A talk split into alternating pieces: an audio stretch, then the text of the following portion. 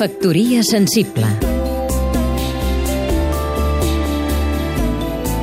Francesc Canosa, periodista i escriptor En el silenci obscur d'unes parpelles closes Diuen que han tornat a veure el poeta Màrius Torres.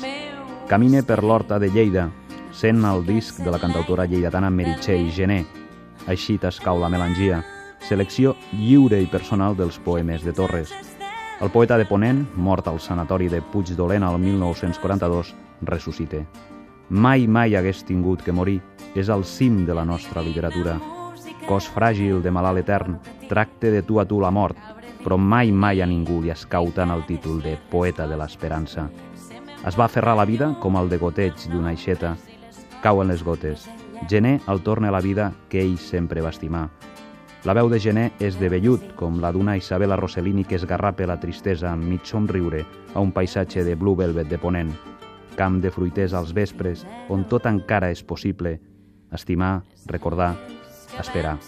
Després de dos discos, inesperadament i sota els llençols, ara neix Així t'escau la melangia, i escau amb una veu impressionantment madura, la d'una cantautora que s'autodite ella als discos, deu poemes musicats amb gust de cirera, dolça i amarga, vermella i negra.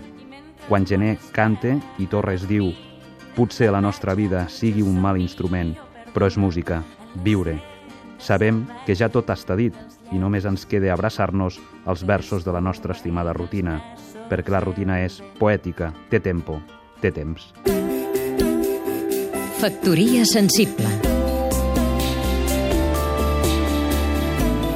Seguim-nos també a catradio.cat